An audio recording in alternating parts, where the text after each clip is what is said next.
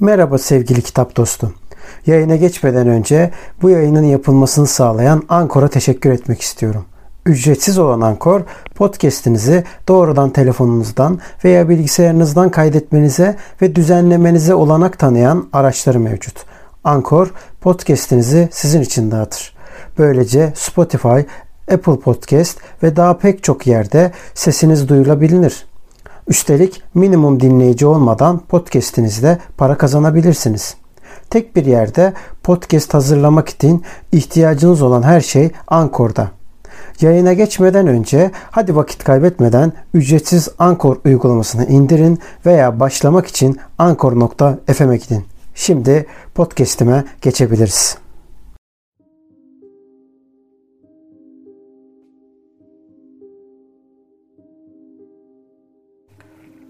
Smolensk'te ya da başka cumhuriyetlerde yakılan 646 bin cilt Kiev'deki 4 milyonun yanında az şey kalır. Stalin Almanların ilerleyişine karşı Ukrayna'da toprak yakma politikasını uygulamaya karar verdi. Taşınmayan her şey yakılacaktı. Ancak Nazi silahlı kuvvetlerinin sürati bu zor görevi gerçekleştirilmesini engelledi. İki yıl sonra Hitler aynı emri verdi. Örneğin Rembrandt'ın otoportresi alınıp götürülecekti. Ülkedeki 19.200 kitap değil, emir bu sefer kusursuz bir biçimde yerine getirildi. Yine de 28 Nisan 1995'te Almanya değerli ciltlerden 700 kadarını yerine koydu. Bu sayı kulağınıza küçük mü geliyor? Ama 40'lı yılların sonunda daha fazlası kalmamıştı. Müttefik bombardımanlardan doğan zararlar arasında yağmalanarak Berlin'e getirilmiş kitapların da bulunduğu unutulmamalı.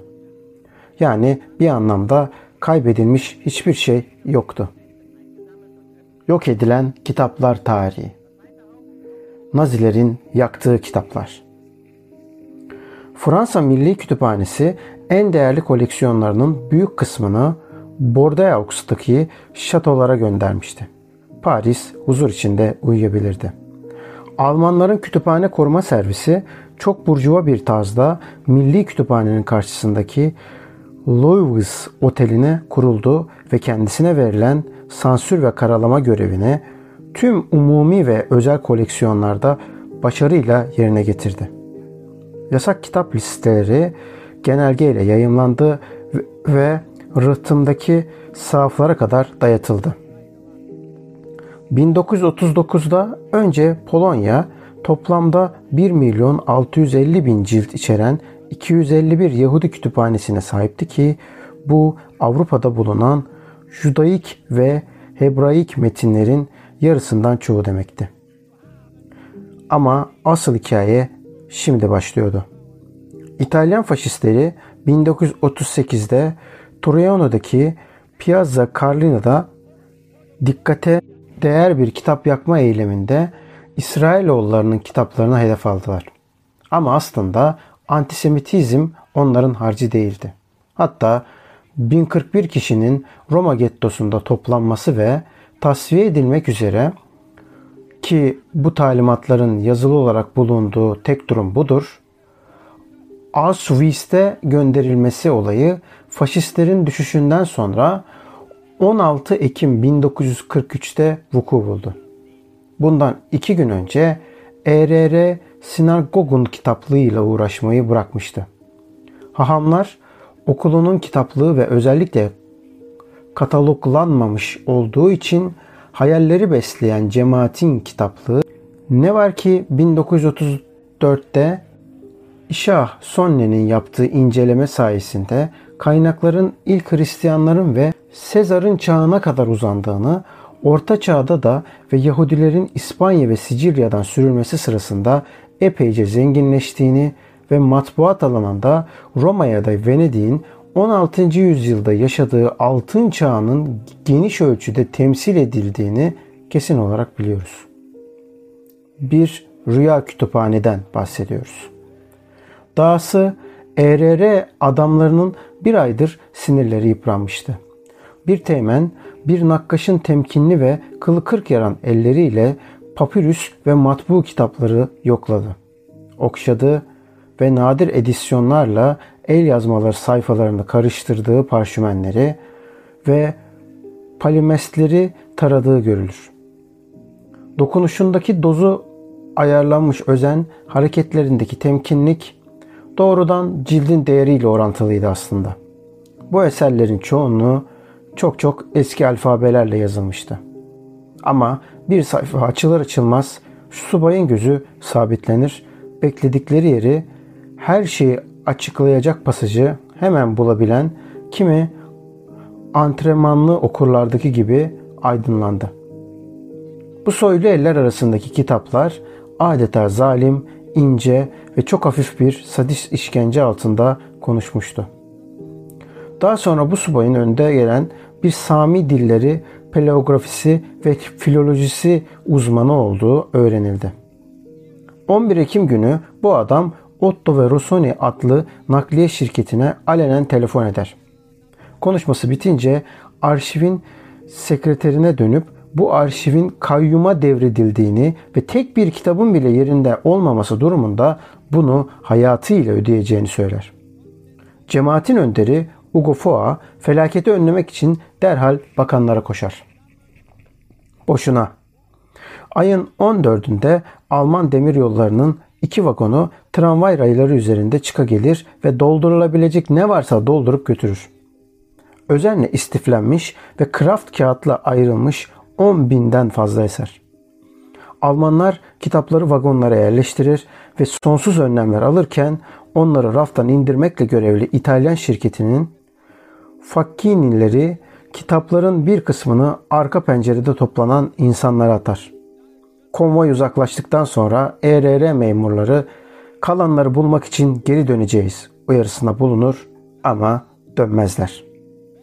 Özellikle bombalar Frankfurt'ta yağmaya başladığında bu kitaplar büyük bir özenle korunacak ve dolayısıyla yarısı kadarı daha sonra Roma'ya dönecekti. Ama koruma polislerinden ancak 15 kurtulacaktı. İbranice literatür olmaktan kurtuldu. Üstelik Nazilerin iştahını kabartıyordu. Yaklaşık 400 bini Yahudi sorunu hakkında bir kürsünün oluşturulduğu Poznan Kütüphanesi'nde toplandı. Berlin'de Reich Güvenlik Genel Karargahı ya da RSHH denen birimin kütüphanesi, Yahudilikle ve Hitler'in kafasını meşgul eden masonluk gibi başka konularla ilgili yaklaşık 3 milyon eseri çaldı, biriktirdi ve kaybetti.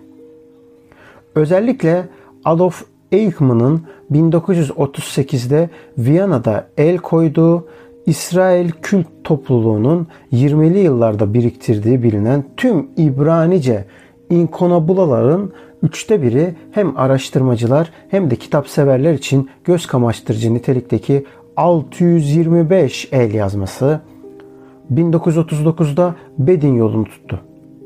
Bunlardan altısı daha sonra bulundu ve 1950 civarında Viyana Yahudi cemaatine iade edildi. Bir yedincisine ise Amerikan gümrüğünde bir açık arttırmada el konuldu. Bu 14. yüzyıldan kalma bir yetzirah ya da yetiştirme kitabıydı. ERR iyi çalışıyordu. Sınıflandırmaya elden geldiğince uyuluyordu.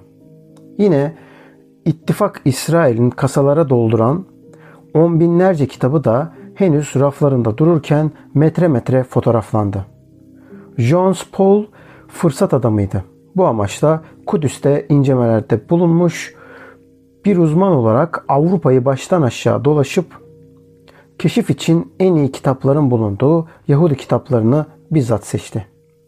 Ama arkasını döner dönmez memurların kitapları ciltlerin güzelliğine bakarak ayıkladığından da yakınmadan edemedi. Vilnius'ta 300 sinagogdan toplam 100 bin eserin yalnızca 20 binini beğenir. Geri kalanını kağıt hamuru yapılmaya yollar.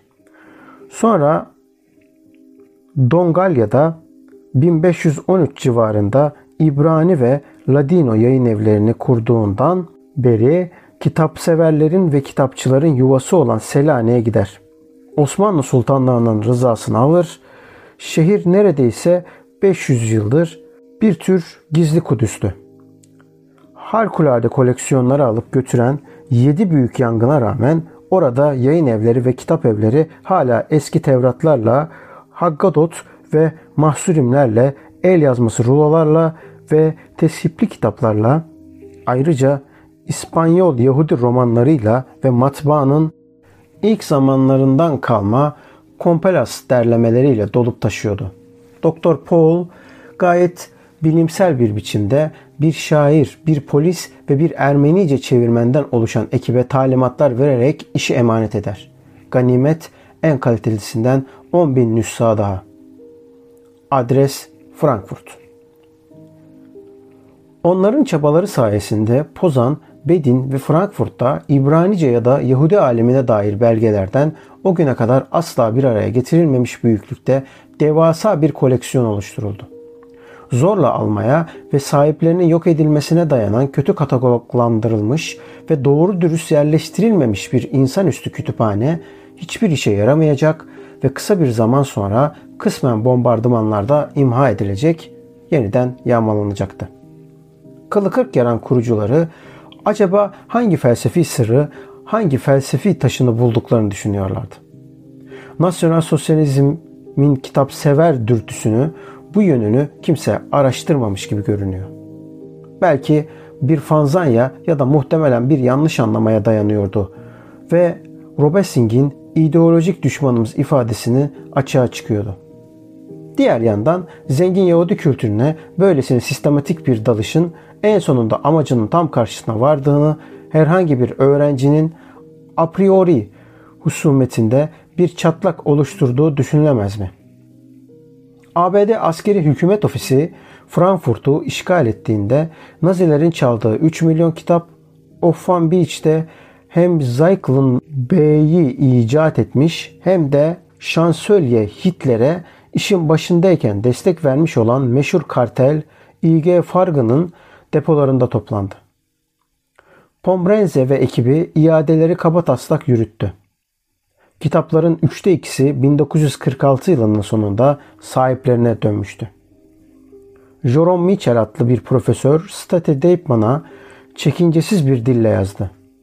Avrupa'da artık bir Yahudi kültürü yok ve maneviyat merkezi değil ve bir daha olma ihtimali de pek yok. İkinci bölümün sonu.